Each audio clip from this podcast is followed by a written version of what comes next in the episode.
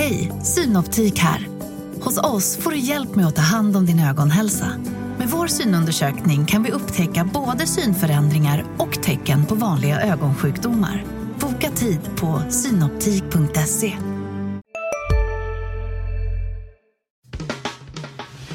Analyspodden från Dagens Industri. Välkommen till Analyspodden, Dagens Industris podd om börs och aktier. Idag är det jag, Agneta Jönsson, som är här och med mig har jag kollegan Johan Wendel. Hejsan hejsan. Vad ska vi prata om idag, tycker du?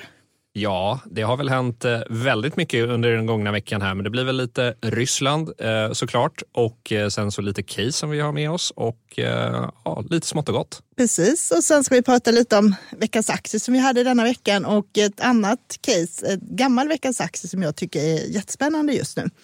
Klockan är 11 och börsen är ner idag också, typ runt en och en halv procent.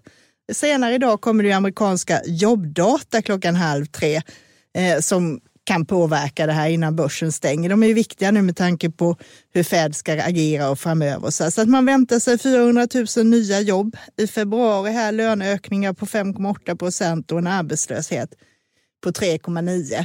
Större avvikelse där kan ju peta iväg marknaden åt något håll men verkligen. Och eh, spännande här med på morgonkvisten som eh, Stockholmsbörsen brukar ju inte ha något att hålla i när det blåser och inte heller i den här krisen kanske. Eh, och vi har ju sett också kronan har ju blivit eh, svagare här. Eh, är det någonting som kanske vi får, vi får se eh, hålla i sig, men det, det för ju också med sig något gott för våra eh, bolag. Vi har ju många exportbolag som gynnas av en svagare krona. Det krävs ju inget eh, geni för att lista ut det. Vi har verkstadsbolagen till exempel och flera andra sektorer som kan gynnas av det här. Så det är lite spännande. Medan det finns de som inte gynnas då, kanske. Det finns det ju och det här är ju väldigt flödesstyrt. Både den utflödet från svenska aktier så att säga att utländska investerare brukar lämna perifera marknader som vi är när det är kris. Och det drabbar ju också kronan. Att du får mycket, man lämnar kronan och säljer mycket kronor. Så att det där kan ju ändra sig rätt snabbt. Men vi fick se, vi tittar i början av veckan här så var det ju riktig dramatik. Efter stora nedgångar i, på ryska börsen i slutet av förra veckan så stängde de i måndags och de kommer att ha stängt som de säger nu, åtminstone till och med nästa onsdag. Ryska centralbanken gjorde en liten Bengt Dennis. Man dubblade räntan till 20 procent. Än så länge är det långt kvar till 500.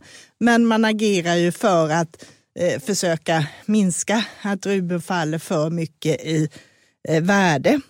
Eh, vi fick också se ett extremt stort intresse för försvarsaktier när då flera länder, bland annat Sverige, går ut och lovar stöd till Ukraina och man räknar med att flera länder kommer att boosta upp sitt försvar. Bland annat Tyskland kommer ju att investera åtskilliga miljarder euro för att rusta upp försvaret. Och det fick ju vår aktie Saab att stiga 18 procent. Den har faktiskt gått upp 36 procent i veckan. Men det vet jag att det har du lite mer att säga om senare i programmet.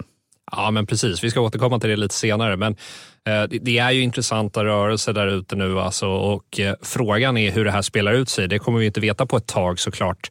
Eh, men det finns ju de som pratar om att den här krisen för Ryssland kan bli kan bli värre än de här kriserna vi hade så för dem på 90-talet som var en av förklaringarna till att Vladimir Putin kom till makten, att han lovade att vi ska aldrig bli som på 90-talet igen. Eh, så där får vi ju se vad som händer och sen så vad som händer på Ryssland. Det kanske får jag menar, den ryska aktiemarknaden har inte öppnat än, eh, men man undrar hur mycket det påverkar hur investerare tänker kring till exempel eh, den kinesiska aktiemarknaden där. Alltså, man kan ju tänka sig liknande risker där och det är en väldigt hög grad av statligt inflytande i även så kallade privata bolag. Så att, ja, Dra, dra kanske investera några lärdomar där, antagligen. Det är det ju. Det har ju också... Eh, vi såg i onsdags så fick vi ju då den största ryska banken Sberbank eh, har ju också ett omfattande nät med filialer och dotterbolag i Östeuropa.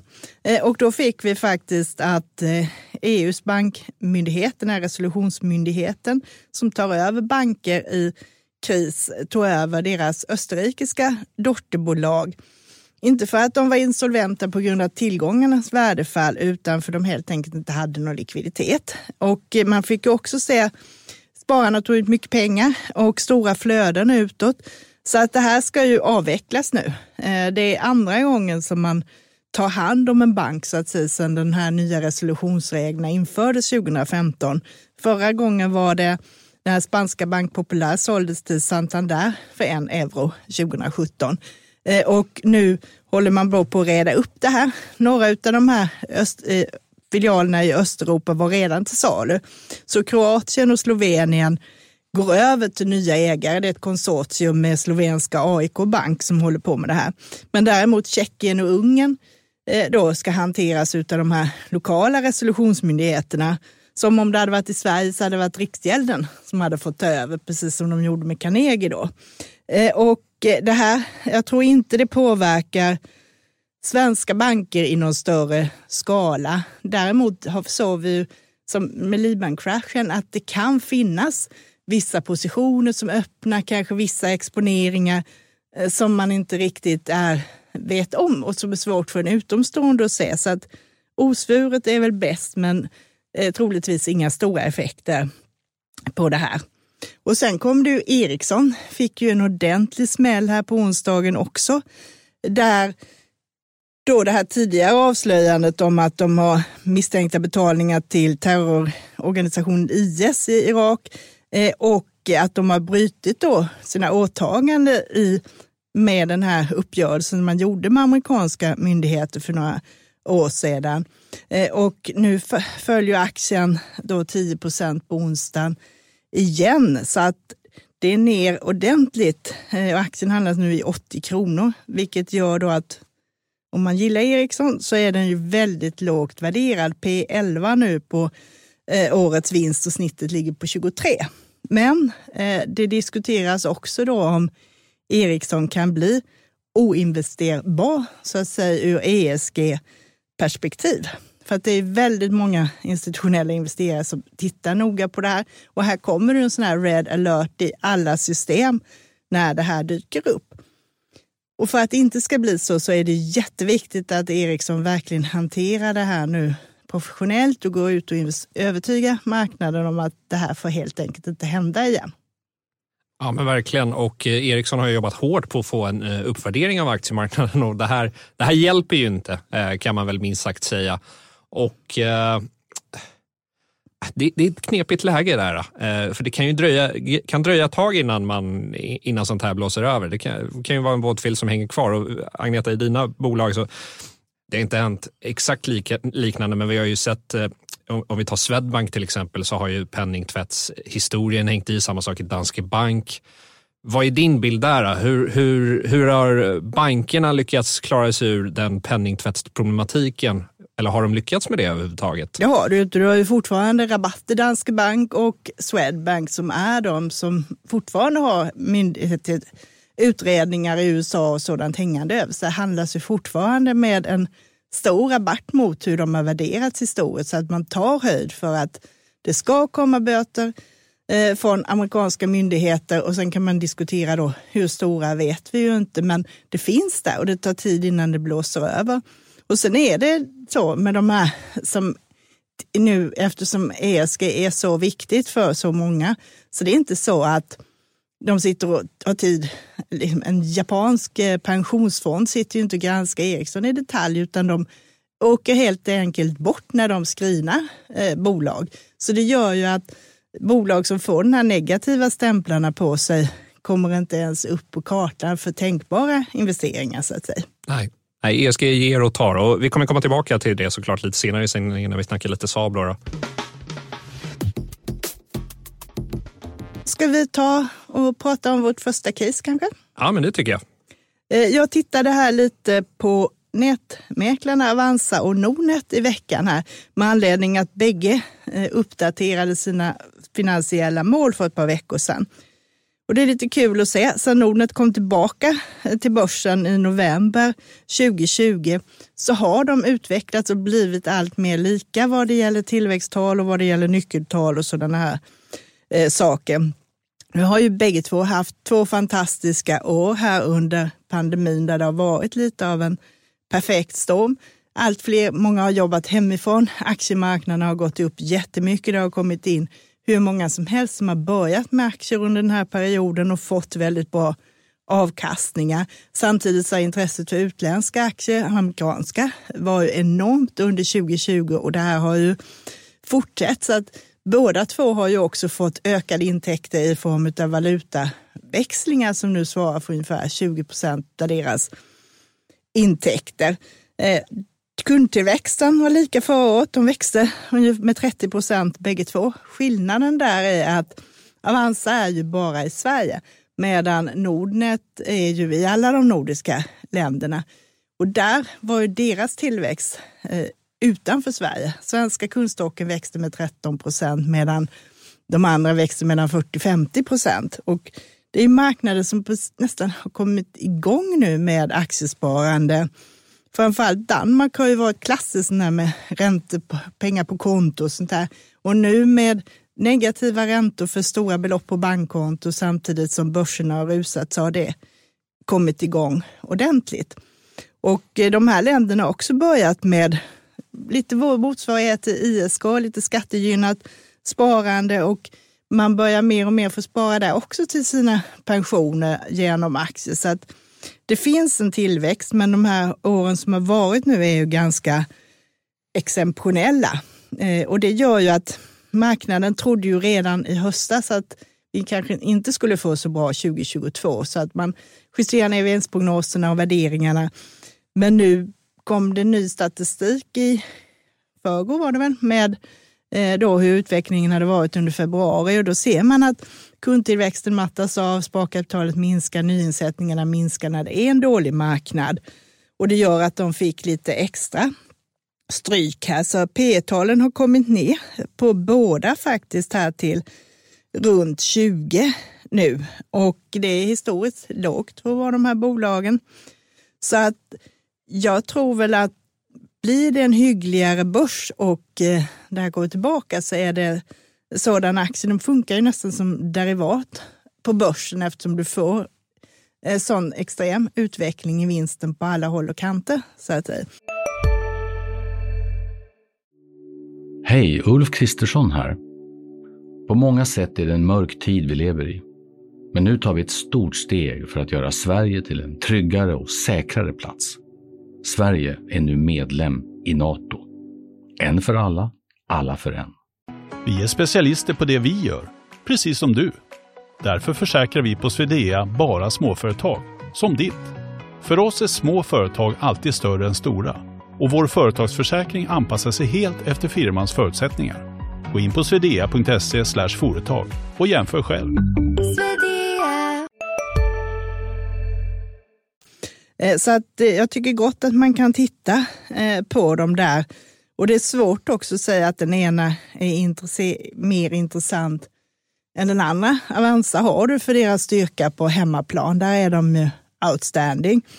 Medan Nordnet gör ju väldigt bra ifrån sig. Då. De är ju etta på de marknaderna utanför Sverige och tvåa i Sverige. Så att jag tycker det är intressant, men timingmässigt får man bestämma själv, för det är väldigt stökig marknad nu. Så tror man på sämre börs kan man ju hålla sig borta, men förutsättningarna finns där och jag tror långsiktigt är de fortfarande intressanta. Ja, nej, men de har verkligen varit duktiga på att hitta nya intäktsströmmar när courtaget eh, liksom inte är, jag tänker framförallt på Avanza, när man inte är, är prisledande på courtaget så har de ändå eh, lyckats parera det på ett fint sätt. Eh, och som du nämner, valutaväxlingsavgifter, att försöka hålla upp ett högt, högt intresse för utländska aktier då, har ju bidragit till det här. Sen tänker väl jag att, eh, eller eh, jag har alltid tänkt att så här, de, de, här är för högt värderade, men man har ju uppenbarligen haft fel. Eh, så att, eh, det blir spännande att följa utvecklingen här framöver. Jo, men visst är det det. Du har tittat på ett case också här som har vaknat till liv ordentligt nu. Ja, ja men precis. Eh, försvarskoncernen Saab, de har ju varit lite av ett, eller mycket av ett sorgebarn på börsen får vi ändå säga. Eh, de senaste åren har inte alls lett upp till förväntningarna, men som vi pratade om tidigare i sändningen så har ju aktien nu verkligen stuckit iväg här med eh, över 30 procent på bara kort tid. Så att, Eh, det, det, det, är någonting som Saab-aktieägare inte är vana vid eh, och nu är vi uppe på nivåer där det var slutet 2018, början 2019 eh, aktien. Så att det har gått fort. Alltså det här är ett bolag som det har ju snackats väldigt mycket ESG i, i, i samband med de här med, med Saab för att bo, fondbolag har ju då mer eller mindre tvingats välja bort Saab-aktien för att den är, anses ohållbar givet vapentillverkning och så vidare. Eh, och eh, vår ledarsida har ju skrivit eh, väldigt mycket om att det här kanske inte är något vidare bra och jag tycker att då, vår ledarsida har goda poänger i det de skriver där. Att om man inte får försvara en demokrati, vad är då om det är ohållbart, vad är då hållbart?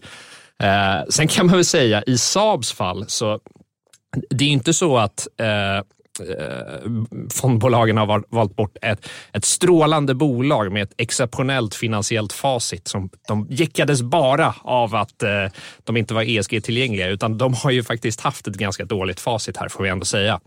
Och nu om man kikar på bokslutet så, som kom här så guidar ju eh, Saab för att de kommer ha eh, en försäljningstillväxt på eh, cirka 5, organisk tillväxt på cirka 5 procent 2022.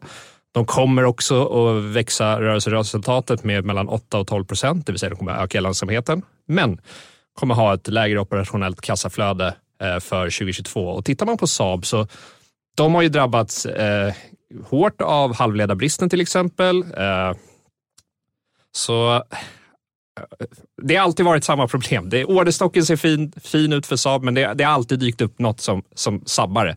Och jag skulle väl inte bli förvånad om det kommer något nytt nu som sabbar euforin. Så kan jag väl uttrycka det. Sen vad, vad det blir, det får vi se. Så det är att se upp för lite svarta svanar där typ? Ja, men precis. Och liksom, komponentbristen har ju inte försvunnit över natten i och med det, eh, även om vi kanske inte pratar om den lika mycket. Så, så att, eh, och som sagt, de kommer ha lägre kassaflöde i, i 2022 eh, än jämför eh, föregående år. Så att det brukar dyka upp någonting i Saab eh, som är mindre bra. Det kan, man ha, det kan man ha med sig. Så du tycker man ska ta det lite lugnt där? Det tycker jag man ska göra. Intressant. Sen har vi faktiskt ett större case. Vi har alltid det här veckans aktie som då vår kollega Ulf Pettersson skrev i denna veckan. Och det, idag, då skrev han ju om Micron i Tekär som gör sådana här maskiner Eh, som används för att tillverka bildskärmar till mobiltelefoner och alla sådana här eh, saker. Och eh, den hade han en rekommendation på förra gången, steg aktien 50 procent för två år sedan. Nu kanske man tror att det blir lite lugnare utveckling denna gången, men han siktar i alla fall på en uppsida på en 20-25 procent och en riktkurs på över 200 kronor. Eh, bolaget har gjort en del saker under den här tiden som minskar volatiliteten i resultatet. För det säger sig själv om man säljer maskiner som kostar över 100 miljoner kronor styck så beror ju mycket kvartalsresultaten på hur man lyckas med sin försäljning och när den landar. Och de har sålt 140 stycken sådana sedan starten 1990 och de har runt 30 kunder globalt, så det är en ganska liten koncentrerad marknad. Men nu har man köpt en del andra bolag som är inom liknande område men med per styck billigare saker, vilket gör att man då får en lugnare utveckling i då vinsten och omsättningen. Eh, och eh, man har en väldigt god lönsamhet på det här, en rörelsemarginal på över 50 procent, vilket gör att när de säljer en sån här apparat får du då väldigt stor genomslag i vinsten.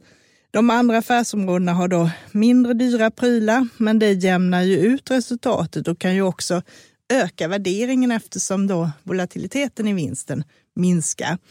Man ser också en potential i eftermarknaden. Idag står systemförsäljning för 72 procent av försäljningen ungefär och service på 28. Den delen kan också öka framöver. Och det är också ett bolag som gynnas av det här med starkare dollar som du var inne på i början här. Så att det ser intressant ut. Så det är ett bolag och de här rekommendationerna är ju på ett års sikt. Så det är en sådan som man kan notera på sin bevakningslista och plocka upp när man tycker det är läge helt enkelt. Ja, men spännande.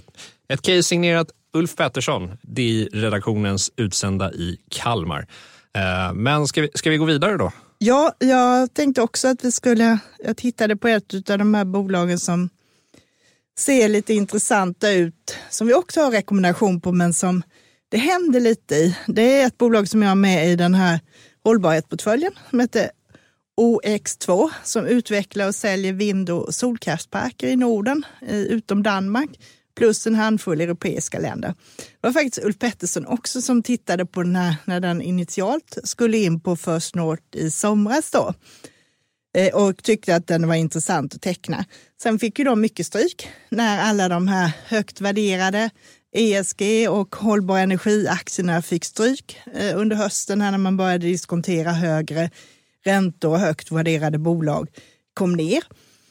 Men det här är ett sådant som ser intressant ut i grunden. Det har funnits i 17 år och eh, har sålt anläggningar till kunder också som köper det här så ur investeringsperspektiv som tyska eh, stora försäkringsbolaget Allians men även Ikea och sådana här.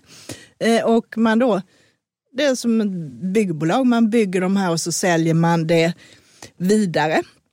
Och sen har man nu på senare tid kompletterat med att eh, då även förvärva eh, pågående projekt i sen fas för att sedan sälja vidare som ökar omsättningen. De kom med en bra rapport här 23 februari. Innan dess var aktien ner runt 28 procent på årsbasis. Men då kom man faktiskt med en stark rapport där. Man hade intäkter i fjärde kvartalet på 2,4 miljarder eh, jämfört med helåret på 5. Man är också på väg upp i rörelseresultatet och hade en marginal på 13 procent. man siktar nu på att man eh, år 2024 ska ha en eh, rörelseresultat på 2,5 5 miljarder jämfört med drygt 400 miljoner i år och en marginal på 10 procent. På helårsbasis nu låg man på 8,3.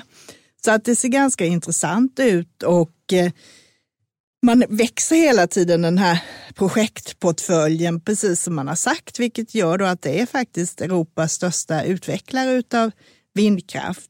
Vd är trygg med att nå de här målen för 2023-2024. Man hade lite såna här kvardröjande pandemieffekter, typ att när folk inte kunde resa kunde de inte komma ut i byggena och det var lite leverantörsförseningar i komponenter och sånt där också. Men nu är man uppe på banan igen här så att de drivs ju av det här underliggande med en ökad efterfrågan på förnybar energi. Och eh, värdering, nu hamnas de till strax under 50 gånger vinsten. Eh, går det här rätt och tänkt som den här utvecklingen som de ser framför sig så kommer det ner till runt 20 gånger vinsten 2023. Och den har faktiskt också vänt, så den ser intressant ut ur ett tekniskt perspektiv också. Det är en av få bolag faktiskt som går mot den nedåtgående trenden just nu. Så att den tycker jag också det är värt att hålla ögonen på. Ja, spännande. Ett, kanske ett revanschcase här alltså, eh, som kan återhämta sig. Eh, men eh, ska vi gå vidare och kika på vad som händer nästa vecka då? Ja, vi får väl fortfarande krigsfokus eh, nästa vecka. Sen har du några sådana här hållpunkter. ECB har ju sitt möte. Nu är det ingen som tror att det blir några räntehöjningar där, men hur de ser på situationen och vad de ser på andra former av om det är stödpaket eller vad de tänker att göra är väl intressant. Och sen har vi Fed eh, veckan efter sen 16 mars följt av en sån här stor kvadruppel witching på optioner på fredagen där som brukar stöka om marknaden ordentligt. Men nästa vecka har vi i alla fall några rapporter. Det är Clas Olsson som du brukar titta på ibland. Och ja. sen har vi Sectra som du också har tittat på. Så du får en jobbig dag på onsdag då antar jag. Ja men precis och det är väl lite sådär, man blir lite butter på att de kommer samma dag. Skojar du? Det är som bankerna här. Ibland kommer det tre stycken på en dag. Det är roligare om de sprider ut sig. Ja, det är en önskan här. Eh, Clas Ohlsons styrelser och Sectras styrelser. Sprid ut er. Eh, Precis, de får samordna, kolla sina kalendrar till nästa gång. Ja. Ska vi nöja oss med det här för dagen tycker du? Ja, men det tycker jag. Eh, och sen ska vi väl passa på att påminna om att man ska lyssna på DIs andra poddar, eller hur? Det tycker jag man ska göra. Vi har morgonkoll som är varje dag. Det är väl viktigare än någonsin att höra vad som har hänt under natten. Och sen har vi makrorådet varannan onsdag. Kommer vi den. Sen har du Digitalpodden och vår ledarpodd. Eh, och sen har vi Smarta pengar för privatekonomin. Precis, där har du mycket att lyssna på mellan avsnitten av Analyspodden. Men eh, då passar vi väl på att tacka för att ni har lyssnat och önskar en trevlig helg här så småningom, eller hur? Det gör vi. Trevlig helg och hej då. Hej då. Analyspodden från Dagens Industri. Programmet redigerades av Umami Produktion. Ansvarig utgivare Peter Fellman.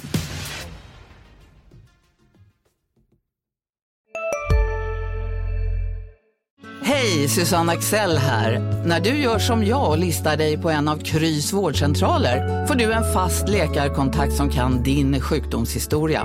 Du får träffa erfarna specialister, tillgång till lättakuten och så kan du chatta med vårdpersonalen. Så gör ditt viktigaste val idag, listar dig hos Kry.